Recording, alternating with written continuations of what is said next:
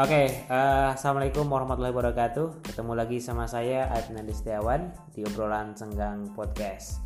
Ini podcast episode yang ke-7 nggak nggak terasa nih di bulan Fe- Februari sudah mau selesai dan ini episode yang ke-7 semoga saya nggak salah karena belum ngecek lagi nih di apa namanya di, di Spotify ini episode yang keberapa Eh, kebetulan ini postingnya agak terlambat.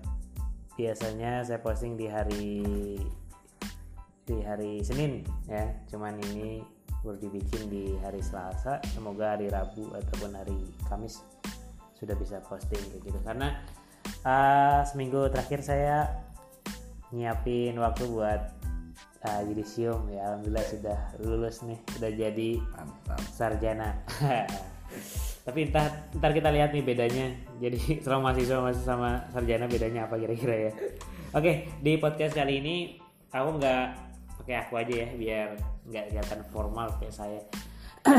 aku kali ini ditemanin oleh teman uh, senior uh, namanya Bang Kisam Supriyadi. Nanti kenalan lebih lanjut aja deh untuk tahu nanti siapa dia. Jadi biasanya aku ngobrolnya monoton, eh monoton maksudnya Monolog. monolog kok monoton. Emang iya sih monoton juga. jujur ya jujur. ya ngomongin ide-ide random kayak gitu. Nah kali ini aku ngobrol sama Bang Kisam. Kebetulan eh, kita sama-sama anak perantauan, kuliah di Purwokerto, di Unsud dan juga background kita sama anak-anak anak transmigran kayak gitu ya. Transmigran itu buat kalian yang belum tahu transmigran itu apaan, ya kurang lebih itu dulu yang orang tuanya dari Jawa itu ngerantau ke daerah Sumatera atau Kalimantan terus beranak pinak nah kita Jadi anaknya, generasi kesekian. ah, generasi kesekian terus dikasih santunan sama negara buat kuliah ke Unsud gitu. Alhamdulillah bang. Tapi ada yang sangat penting buat kita kuliahnya sama-sama lama ya. Kamu berapa? 7 tahun ya, Bang? Tujuh tahun. 7 tahun ya. Saya 6 tahun setengah lah ya, kurang Saya tujuh tahun 11 bulan. 11 bulan. eh sorry. Eh, enam tahun 11 bulan. Enam tahun 11 Belum bulan. sampai tujuh tahun. 3 bulan lagi. Aku berarti 6 tahun 6 6 bulan. Udah kayak anak SD ya kan. Lebih cepetan aja SD lulus lulusnya. Oke, eh mungkin biar enaknya kita ini nih, kenalan langsung sama Bang Kisam. Ya, enak-enaknya sebelum kenalin eh Bang Kisam ini yang bikin kedai kopi namanya Medang Kopi di Sumampir ya. Di Semampir. Semampir. Nanti seperti apa sih maksudnya bikin kedai kopi dan dan cerita lebih dalam nanti Bang Kisam sendiri cerita. Ini kenalan dulu dong Bang, biar buat teman-teman yang dengerin podcastnya aku bisa Kenalinnya gimana nih dari nama, asal apa gimana? ya kenal dari nama asalnya dari mana terus Eh, nama lengkap Kisam Supriyadi itu biasa dipanggil Kisam. Terus asal dari Jambi. Kalau soal mungkin nasib ataupun ininya penanggungannya sama kayak Aep, sama kayak saudara Aep itu memang sama-sama dari anak transmigran dan dapat beasiswa untuk Santunan kuliah di Jawa. Santunan sih lebih Karena tepatnya buat yang santunan. pinter biasanya. Ya, ya, ya gitulah. Tapi kita nyandang gelar itu loh. Kita nyandang gelar orang pinter loh sebenarnya di kampung. oh udah udah dapat santunan doang ya ya dapat santunan dari negara untuk mengemban sebuah beban yang menurut aku luar biasa sih dan nggak sembarangan orang dapat dan yang yang pastinya tuh nggak semua orang bisa nikmatin ini nikmatin apa Iya. namanya? Nikmatin fasilitas itu gitu. Hanya kita dan sebagian teman-teman yang bisa. Makanya dinikmatin bener-bener ya kan? Dinikmatin sampai- bener-bener sampai tujuh tahun. Tahun. sampai limit waktunya. Ya kalau perkenalan singkat sih itu. Kalau untuk nama lengkap sama asal. Kalau oh, di bidang kuliahnya sendiri itu ngambil bukan ngambil sih. Dapatnya di jurusan teknik dan teknik geologi. Karena pasti di kampung kan nggak ada referensi juga tuh ngambil kuliah teknik ya yang penting kan kuliah aja dulu pikirannya. kuliah. Nggak ada pikiran teknik apa teknik apa penting kuliah gitu. Kuliah dan dan gratis ya. Mm, itu yang paling penting poinnya di situ. Oke, Eh, gini eh, kita kan kuliah sama-sama lama nih. Nah. Ya mungkin di luar sana ada juga orang memilih kuliahnya lama atau mungkin itu bukan sebuah pilihan tapi ya ketidaksengajaan karena banyak alasan kuliahnya lama. Jadi Sebelum kita nih ngobrol yang agak serius banyak ke bisnis apa yang bangun. Kira-kira dulu sih kuliah lama mau direncanain apa apa ya by accident aja gitu.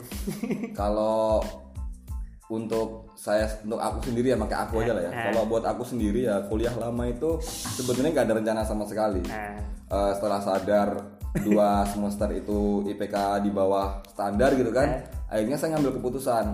Pakai saya lagi. Akhirnya aku ngambil keputusan bilang ke orang tua beraniin diri bilang ke orang tua bahwasannya minta kuliah itu sampai lima tahun. Padahal beasiswanya itu cuma empat tahun. Tahun. dari apa namanya? Santunannya itu cuma empat tahun. Dan minta waktu setahun untuk eh, dibiayain sama orang tua gitu Ah. itu dulu awalnya gitu. Dan ternyata di luar ekspektasi semua gitu. Pas berjalan tuh di luar ekspektasi semua. Dan akhirnya molor. Molor sampai lima tahun nggak selesai. Lima tahun nggak selesai sampai enam tahun 11 bulan. Dan alasannya sendiri sebenarnya memang keangkuhan sih kalau aku pribadi. Aku jujur karena angkuh karena dulu sebelum eh, lima tahun itu dua satu tahun kuliah itu pernah bilang ke orang tua kan bilang saya minta kuliahin selama lima tahun. Nanti kalau misalkan lebih dari lima tahun itu akan menjadi tanggung jawab saya sendiri untuk Eh. eh, menyelesaikan studi itu dan orang tua cuman ketawa waktu itu Eh, cuma coba ketawa lihat aja nih. Ha-ha. coba kita lihat apa yang akan terjadi mungkin di hati kecilnya mereka bilang gitu kan apa yang akan terjadi Ini gitu kan. sama banget nih coba dilihat nih gitu.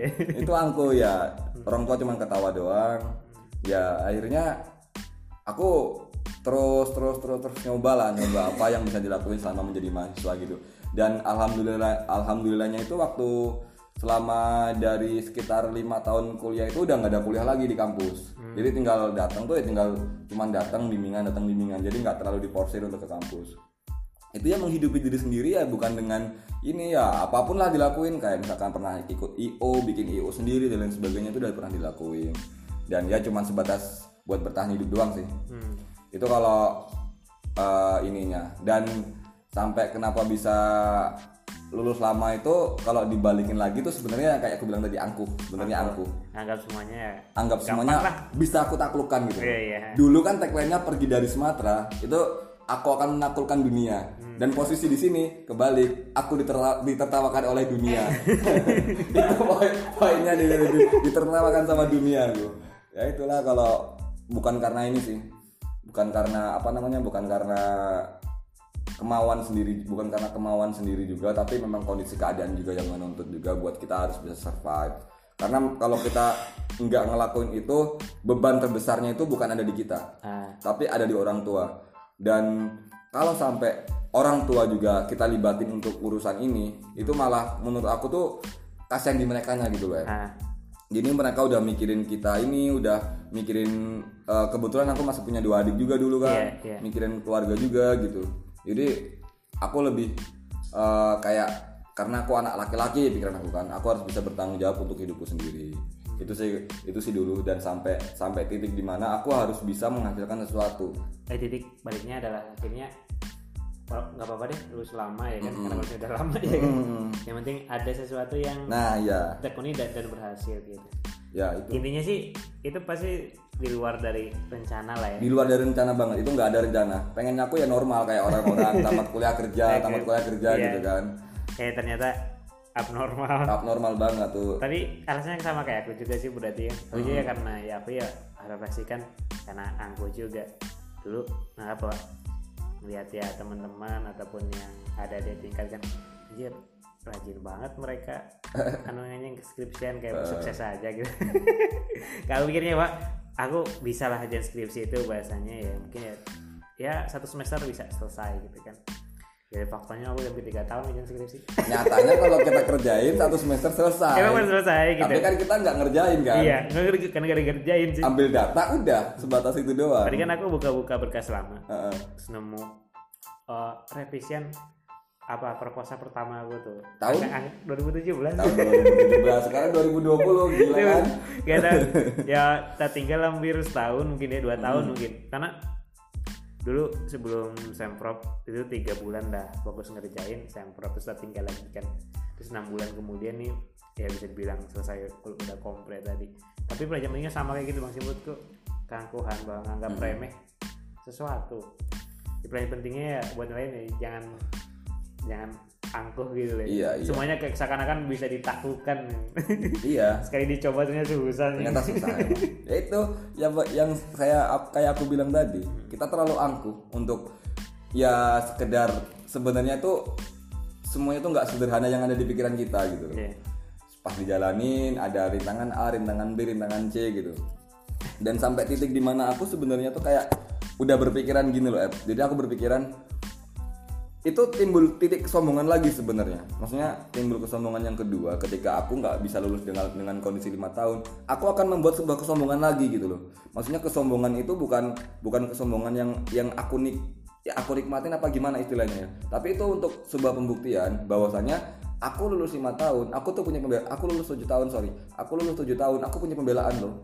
Aku ini yang aku kerjain selama aku lulus tujuh tahun gitu dan akhirnya aku nemu sesuatu yang memang bener-bener kayak ini tuh kayak hobinya aku gitu. Aku seneng di bidang Kalau itu. bahasa anak sekarang uh, this is my passion. Ya kalau bahasa kerennya gitulah. This is my passion, this is my style gitu kan. Pokoknya kalau anak-anak gaul gitulah bilangnya santuy gitu kan. Nah gitu. Saya akhirnya sampai aku nemuin nemuin di mana aku senang dengan itu dan aku ngulik itu sampai sekarang ya alhamdulillah aku punya punya punya outlet sendiri. Tapi itu kayak masih kerja sama sama teman-teman gitu. Karena kita ngebangunnya juga bukan dengan uang yang banyak tapi kita ngebangun dengan sesuatu yang menurut aku nggak ada nilainya. Eh bukan gak ada nilainya. Lebih dari materi gitu. Nah. yaitu kerjasama. Kalau berarti gini nih, eh, apa namanya? Ya sebenarnya sih nggak masalah mungkin ya lulus lulus lama. Yang penting ada kita kerjakan dan ada misalnya ada yang ditekuni dan dan itu Nah. alhamdulillahnya berhasil. Karena menjadi masalah itu kadang kan lulus lama juga lulus lama tapi nggak nggak tahu ke mana itu parah banget ya guys. Iya, itu kayak maksudnya aku nggak membela diriku sendiri juga kayak banyak beberapa teman-temanku juga yang maksudnya aku pikir dia secara IQ ya secara kemampuan tuh di atas aku banget gitu.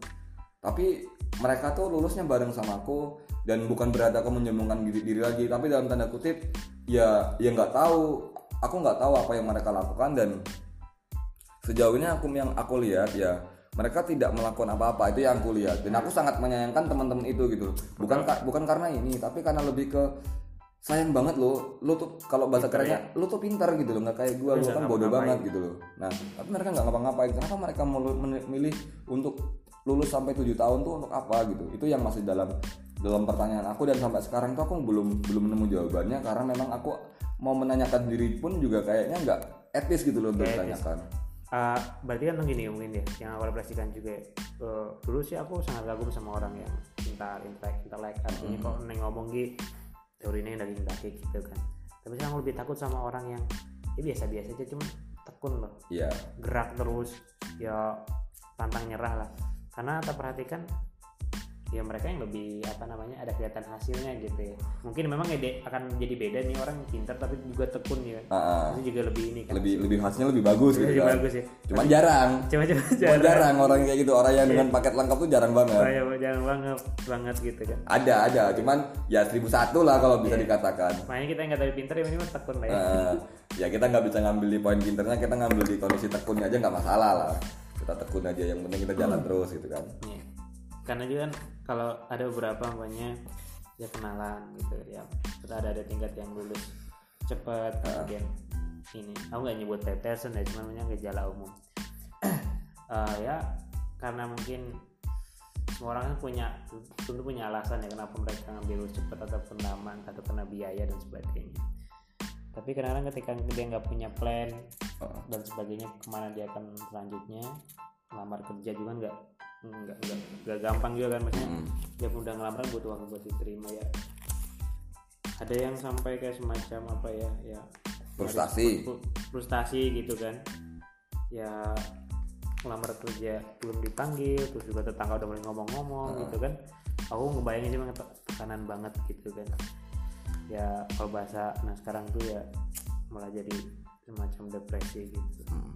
Nah, sekarang gini, Ed. Eh, ini semoga aja yang dengerin podcastnya kamu ini, semoga aja anak-anak ini loh, anak-anak yang mungkin juga maba ataupun juga mungkin orang yang pengen masuk kuliah gitu loh. Dan aku cuma nanti pesen gini aja kalau buat teman-teman yang baru pengen kuliah ataupun masih maba gitu. Eh, Sebenarnya secara apa ya secara mungkin secara ikatan ya kalau secara bukan bukan ikatan secara ini harfiahnya lah orang kuliah itu kan harus pinter harus belajar gitu nah sedangkan kalau menurut aku sendiri dunia perkuliahan tuh nggak menuntut orang untuk bisa ngelakuin itu semua kok. Yang penting di di apa namanya di dunia perkuliahan itu kayak yang kamu bilang tadi tekun. Dan yang kedua adalah kuliah itu bukan cuman bukan cuman tentang kita berangkat ke kampus terus pulang ngerjain tugas fotokopian kampus kantin enggak kalau menurut aku kuliah itu tentang kompetisi. Hmm. kuliah itu tentang kompetisi di mana kita di situ diajarin buat bersaing secara uh, individu bersaing secara kelompok. Iya. Dan bersaing bersaing juga secara fakultas kalau menurut aku. Dan akan banyak pembelajaran-pembelajaran yang akan kita dapatkan ketika kita kuliah. Mungkin gini logikanya gini. Sekarang uh, kamu kan dari daerah sama kayak aku dari daerah. Nah, dan dari daerah pelosok. Ah, ah, dari daerah udah daerah pelosok lagi kan? Itu parah banget tuh. Daerah pelosok lagi. Bayangkan aja PLN masuk di tempat aku baru tahun 2000 eh kalau nggak salah itu 2015 kalau nggak 2016 Kamu Tiannya dua- dari aku SMP Aku 2014. Main lawi maju tempat. Iya. lah, bayangkan aja aku udah nggak pelosok, pelosok lagi gitu kan. Tapi apa ya? Eh gini. Maksud aku tuh, aku mau ngomong apa tadi ya? Sampai yang PLN lupa jadinya. Eh oh kuliah. Nah, tentang kuliah tuh bukan cuma tentang itu doang. Akan ada banyak yang kita dapatkan ketika kita kuliah. Salah satunya tadi kayak kompetisi dan lain sebagainya. Terus poinnya aku lupa ngomong apa. Poinnya lupa aku ngomong ngomong apa. Udah mau panjang lebar lupa kan? Gara-gara tiang listrik. Gara-gara tiang listrik aku lupa. Aduh kacau nih. Semoga aja yang dengerin nggak orang-orang pintar gitu. Udah banyak-banyak lupa nyung. lupa poinnya apa. Jadi ya itu tadi. Malu majunya lambat. Listriknya baru 2016 masuk. Oh iya iya iya. Ya. Eh apa namanya ya? Oh ya gini. Ingat lagi ingat aku ingat lagi kan. Kayak soal flashback. tadi kalau Soal tadi, kan. eh. Jadi kita udah tinggal di kampung di pelosok lagi. Jadi gini, kamu pernah nggak sih punya teman yang satu angkatan sama kamu, Hmm. tapi kondisinya itu sekarang dia udah beruang, lebih banyak uangnya daripada Kayak kita. Bukan beruang binatang ya. Nah, bukan bukan beruang binatang, itu bahaya nerekam nanti dia. Udah punya banyak duit lah ya. Iya. eh. Nah, udah banyak punya banyak duit. Tapi kamu bisa ngeliat nggak pola kehidupan mereka di sana seperti apa? Mungkin dari sisi passionnya mereka. Mungkin kalau kita pulang lihat mereka pakai motor yang gede, terus knalpotnya gede lagi, itu kayaknya kayak gudik banget sih, kayak gondes banget sih gitu kan. Kayak ngeliatnya kok nggak berkembang sih. Kamu udah berapa tahun sih gitu kan? Maksudnya kayak apa gitu. Tapi kita ya dengan kondisi mungkin ya sedikit inteleknya kita kita anggap hal seperti itu. Tapi kita nggak nggak ngebahas poin itunya. Yang aku pengen bahas itu di ininya di bagian cara berpikir. Kalau kita nih kita mungkin secara uang mungkin kita kalah dari mereka. Tapi secara pengalaman dan pengetahuan mungkin sepak terjang di dunia pekerjaan mungkin kita bisa lebih lebih dapat. Contohnya dia punya uang 15 juta orang tuh punya uang 15 juta dan dia ngumpulin selama mungkin dua tahun atau tiga tahun dia ngumpulin uang sebanyak itu dan mereka pasti belikan apa coba Berikan barang-barang kayak motor. Nah, belikan motor, belikan aksesoris buat buat gaya-gayaan, buat Iya. style pribadi. Lah sedangkan kita, coba kita dikasih uang segitu. Pasti orientasinya kita bukan ke itu. Buat banyak-banyak. ya, Kalau buat bisnis ya. kalau kalau kita bukan pikirannya kita dikasih duit 15 juta, 10 juta itu bukan untuk bukan untuk memperli- mem- memperlihatkan diri kita tuh punya banyak uang. Hmm. Tapi kita coba berpikir gimana caranya uang itu bisa menghasilkan uang lagi gitu kan. Kayak beda. itu itu yang pola pikir yang seperti itu yang kadang-kadang tuh nggak didapetin sama orang-orang yang nggak kuliah gitu. Nah, financial decisionnya. Nah. Tapi sebenarnya nggak selalu yang kuliah juga sih bang, karena ada yang kuliah juga financial decisionnya. Ya, nah, itu karena dibalik diputar lagi dari kalau menurut aku ya itu kayak pandangan pribadi aku itu diputar lagi dari sisi kehidupan keluarganya ya. Hmm, Kita juga lihat kondisi keluarganya seperti apa. Maksudnya kayak kira-kira mereka tuh mampu nggak sih gitu kan? Dan per bulannya berapa sih gitu kan? Kalau misalkan kayak per bulannya mereka aja satu juta dikirim dari kampung untuk orang sekelas eh, dari perantauan dapat duit satu juta dari kampung itu apa yang nggak udah bisa lumayan ini di sini iya gitu. di sini seratus ribu bisa traktir 10 orang. Nah kan gampangnya gitu kan. Ya jadi bisa terlihat kaya. Ya. Nah, bisa terlihat kaya gitu. Jadi ya itu yang membedakan itu. Jadi kalau menurut aku pola pikirnya anak-anak yang nggak kuliah juga banyak yang memiliki pola pikir bagus. Mana yang kayak aku bilang tadi Ah. sedikit yang sadar akan hal itu. Iya. kemampuan apa financial literasi ya. Mm-mm, itu ya itu sih kalau sederhananya kalau orang kuliah itu seperti itu punya banyak punya banyak apa ya punya banyak ya insight. Ah, ah, untuk lebih bagus. untuk mengambil sebuah keputusan pasti dia punya banyak banyak perhitungan nggak langsung tak tak tak tak tak tak gitu. Tapi meski dalam dunia apa namanya dalam dunia kadang-kadang tuh dalam dunia untuk bisnis kita perlu langkah taktis untuk mengambil sebuah keputusan. Karena kadang-kadang kan saingannya kita juga bukan cuma satu dua orang kan apalagi soal tender kan kadang-kadang. Karena kalau bisnis kan memang menurutku ya itu soal keputusan ya nggak sih iya benar.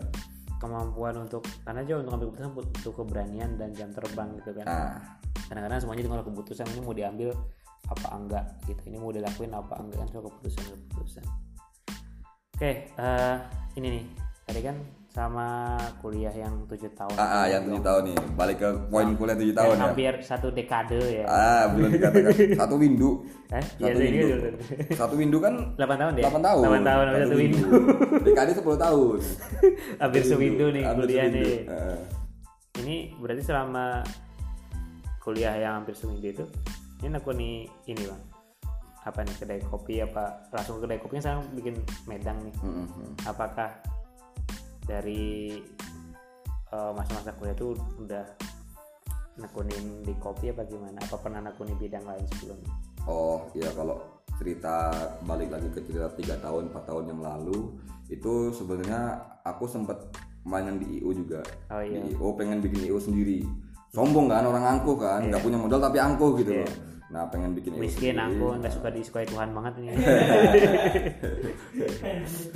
jadi apa namanya eh, sama teman-teman juga adalah teman-teman yang menurut aku ya satu pemikiran juga sama aku dan ya udah kita lakuin hal yang sama setiap malam kita apa namanya kita konsep dan lain sebagainya dan dengan berkumpulnya orang-orang angkuh itu tadi menciptakanlah sebuah nama sebenarnya. Sebuah nama yang yang dulu kita kasih nama tuh Arteri ID nah itu EO kita Arteri ID itu eh, itu sekitar tahun kalau nggak salah itu 2017 itu se- pernah sempat akan kita CV kan untuk jadi CV karena kita cuma butuh butuh modal sekitar 700 ribu dulu untuk CV tapi nggak jadi. Nggak jadi kita CV kan dan akhirnya ya udah jalan sekitar dua event. Habis itu kita ke kalang apa ya kalang kabut kalang kabut dalam artian ya itu tadi kita harus ke kampus harus harus memenuhi kebutuhan sehari-hari kita sedangkan kita nah, sedangkan kita nggak punya akomodasi buat transportasi transportasi kita pergi-pergi gitu loh. Ah, nah itu jadi ya terjadi terjadi apa namanya terjadi kayak bukan bukan slack lah sama teman-teman tapi terjadi kayak akhirnya ya udah lu jalan sama kegiatan kamu terus aku jalan sama kegiatan aku sampai titik di mana aku nemuin yang bisa bikin aku senang gitu loh. Ah, kopi gitu balik lagi ke ah, kopi, kopi. akhirnya Nah, mulai main lah di kopi. Bermainlah di kopi itu tahun 2017 akhir. 2017 akhir itu ah, ini tak sebutin aja tempat kopinya. Dulu aku tuh sering banget nongkrong di kopi suluk. Oh suluk yang Suluk di- kopi nah, kalau orang-orang Purwokerto mungkin tahu lah Suluk di mana. Suluk sama di Lolana Kopi nah di Lolana Kopi aku sering sering banget nong- nongkrong di Suluk. Di Suluk tuh yang pertama karena tempatnya murah. Terus yang kedua ya rasanya menurut aku dulu ya not bad. Dulu ya dalam Iya. tanda kutip waktu aku masih belum paham banget kopi gitu. Ya ya aku sih kopi kapal api aja enak gue sih kapal api di asrama dulu. Terus juga terus di Lolana dan salah satu orang yang bisa bikin aku berani ngambil keputusan untuk di kopi ya salah satu yang punya Lolana foundernya Lolana. Itu namanya Harry Om Harry. Nah itu orang yang eh, salah satu orang yang menurut aku lumayan berjasa juga untuk aku buka kedai kopi gitu loh. dia tetap kasih semangat bahkan pertama kali kita soft opening pun dia support BIM gitu loh. Hmm, itu Om Heri. Lah itu sampai ya eh, kalau balik lagi nih ya sebelum kita punya kedai sebelum aku dan teman-teman bikin kedai itu kita sempat apa namanya sempat jual kopi aku sama gendut. ah, aku sama gendut. Ada partnerku namanya ya gendut. aku tahu gendut. Tahu tahu kan gendut yang orangnya gendut? Ya mungkin gak perlu kita jelasin juga kan. Ah, nggak perlu dibilang juga. Mereka juga nggak ngerti kan ya? Aku tahu ini kayaknya eh, durasi ya. Enggak enggak kita udah bebas aja. Jadi apa namanya? Nih tak kasih yang bagus lintingannya aku nggak bisa ngelinting tadi. Jadi apa namanya?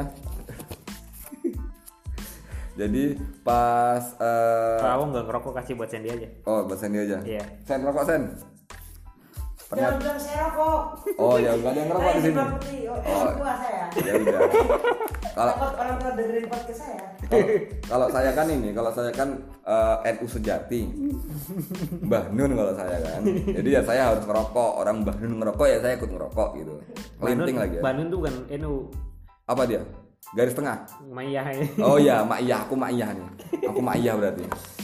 Ya itu eh, balik ke eh, karir tadi 2017 akhir aku sempat jualan kopi ya. Ya, roastingan gitu ya. ah, jadi aku ngambil dari petani langsung dengan harga menurut aku tuh aku berani waktu itu ngambil harga lumayan mahal 30.000 biasanya orang ambil 25.000 per kilo aku berani ngambil agak harga lumayan mahal waktu itu karena aku pikir eh, kayak ketika aku ngambil kopi ini aku juga memberikan kayak ini ke petani gitu loh. Nah, Eh, membantu petani lah gampangannya kan nggak nggak nggak memonopoli gitu. Aku membantu petani untuk petani juga biar dapat untung yang lumayan besar juga. Nah itu di situ mulai tuh ya berjalan sekitar tiga bulan lah kita ngambil kopi kita jual ngambil kopi kita jual. Disuplai ke kedai-kedai yang disuplai ke kedai-kedai dari sekian apa namanya dari sekian kedai yang kita datengin ya alhamdulillah setiap malam tuh laku 400 gram 200 gram. Mainnya gram-graman bukan kiloan. Kalau udah di roasting kita jualnya gram-graman. Lah pas Kayak di jual ini ya. Jual bawang cabe. Ya jual ini jual mas. oh. Jual sabu. wah itu makanan jenis apa mas? Saya nggak tahu itu mas. Enggak sih kan biasanya kalau di, di mafia-mafia kan oh gitu. iya gram-graman ya. Terus? Ya itu ya mainnya gram-graman ya lumayan lah tuh berjalan tiga bulan. Sebenarnya kita juga nggak ngambil keuntungan dari situ. Karena memang tak niatin ketika kita jualan itu juga. Aku juga sempat bilang ke ibu dulu kan waktu aku mainan di jual kopi yang keliling itu bukan nyari untung sih sebenarnya tapi lebih tepatnya nyari teman. Oh kayaknya nyari doa Allah ya. nyari teman belum belum sampai belum sempet sampai itu aku. Maksudnya eh, tingkat religiusku belum sampai segitu aku. Aku masih pengen hidup. Terus berapa berapa lama tuh sampai sekitar tiga bulanan lah. Tiga bulanan. tiga bulanan lebih lah kita mainan di situ kan.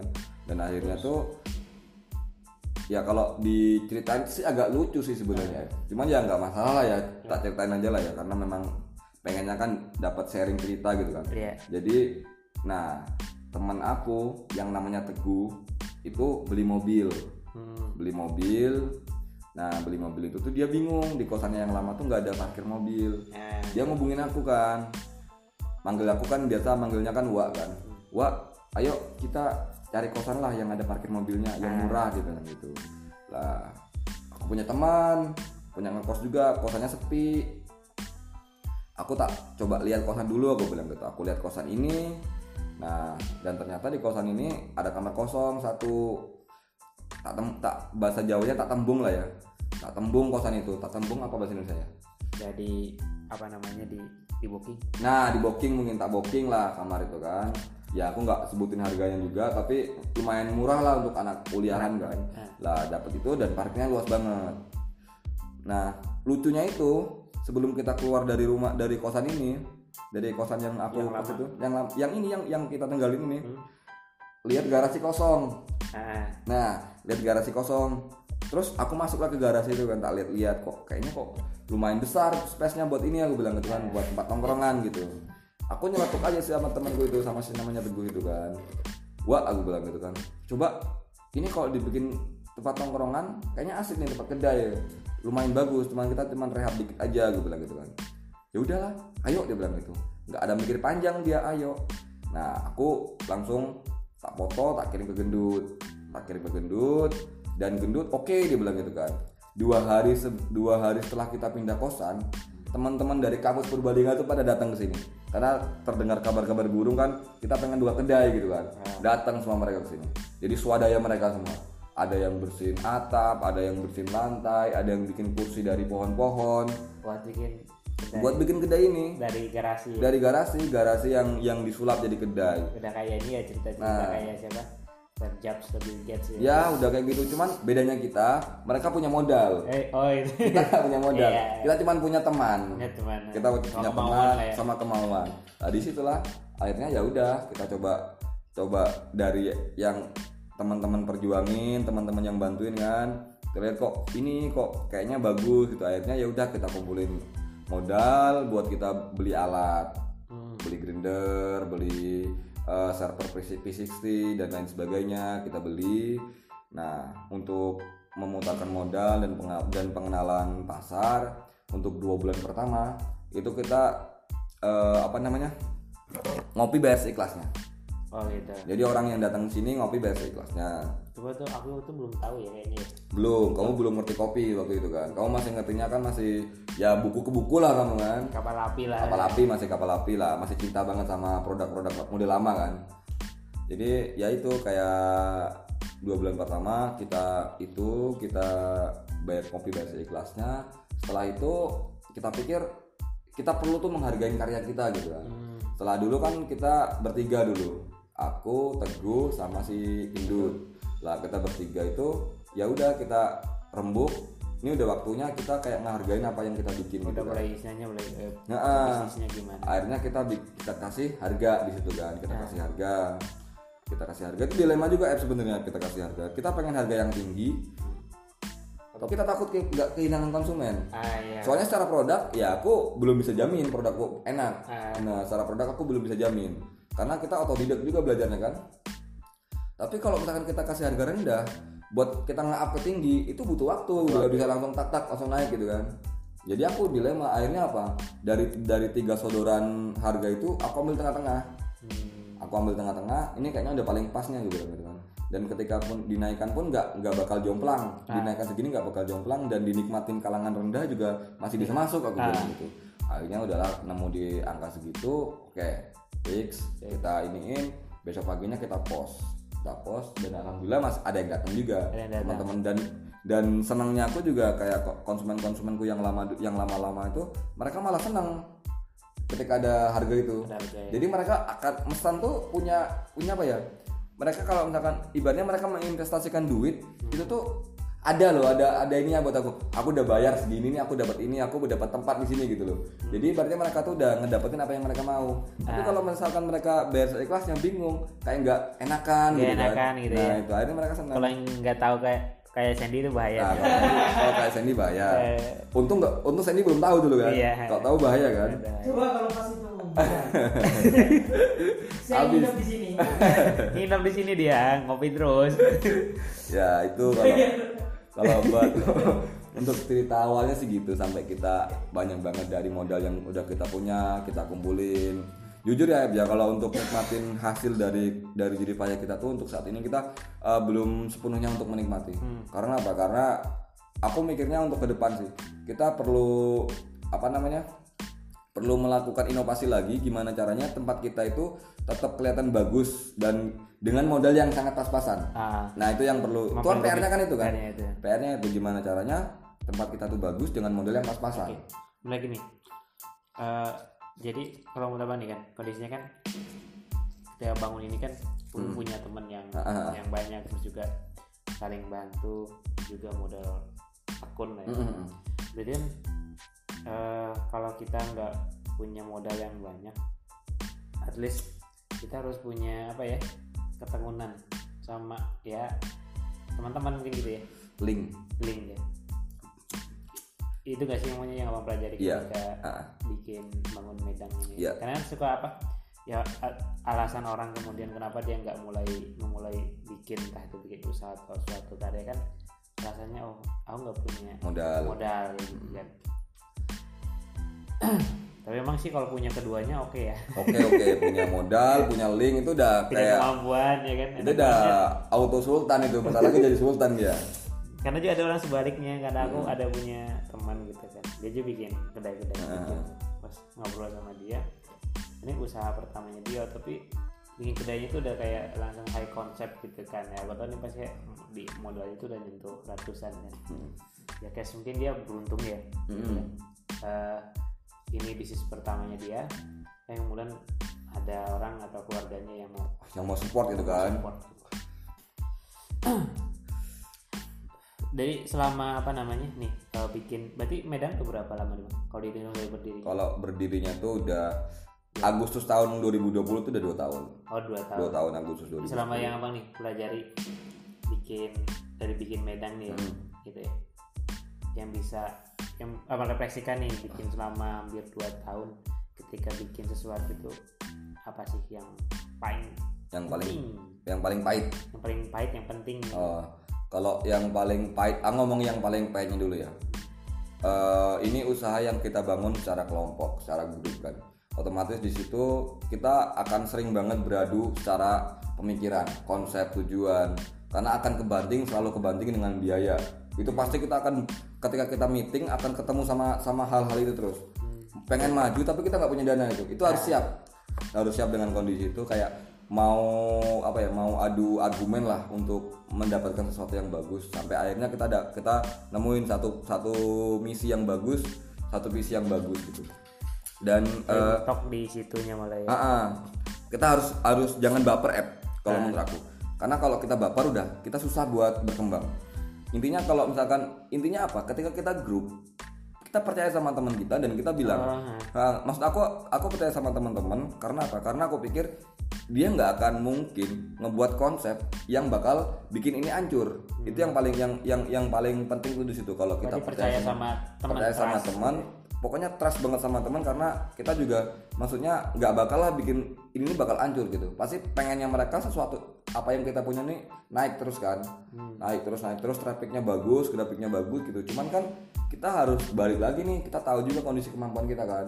Lah dengan tujuan yang yang goal yang sama tapi tujuan yang berbeda itu kita harus nggak baper buat eh, kalau ada perbedaan perbedaan. Nah, kita harus berani ngalah dan kita harus berani argumen. Itu kalau yang dari pahit-pahitnya Eh, terus pentingnya ya. Pentingnya kalau buat yang paling penting proses ini nih yang paling penting menurut aku ya. Eh apa ya?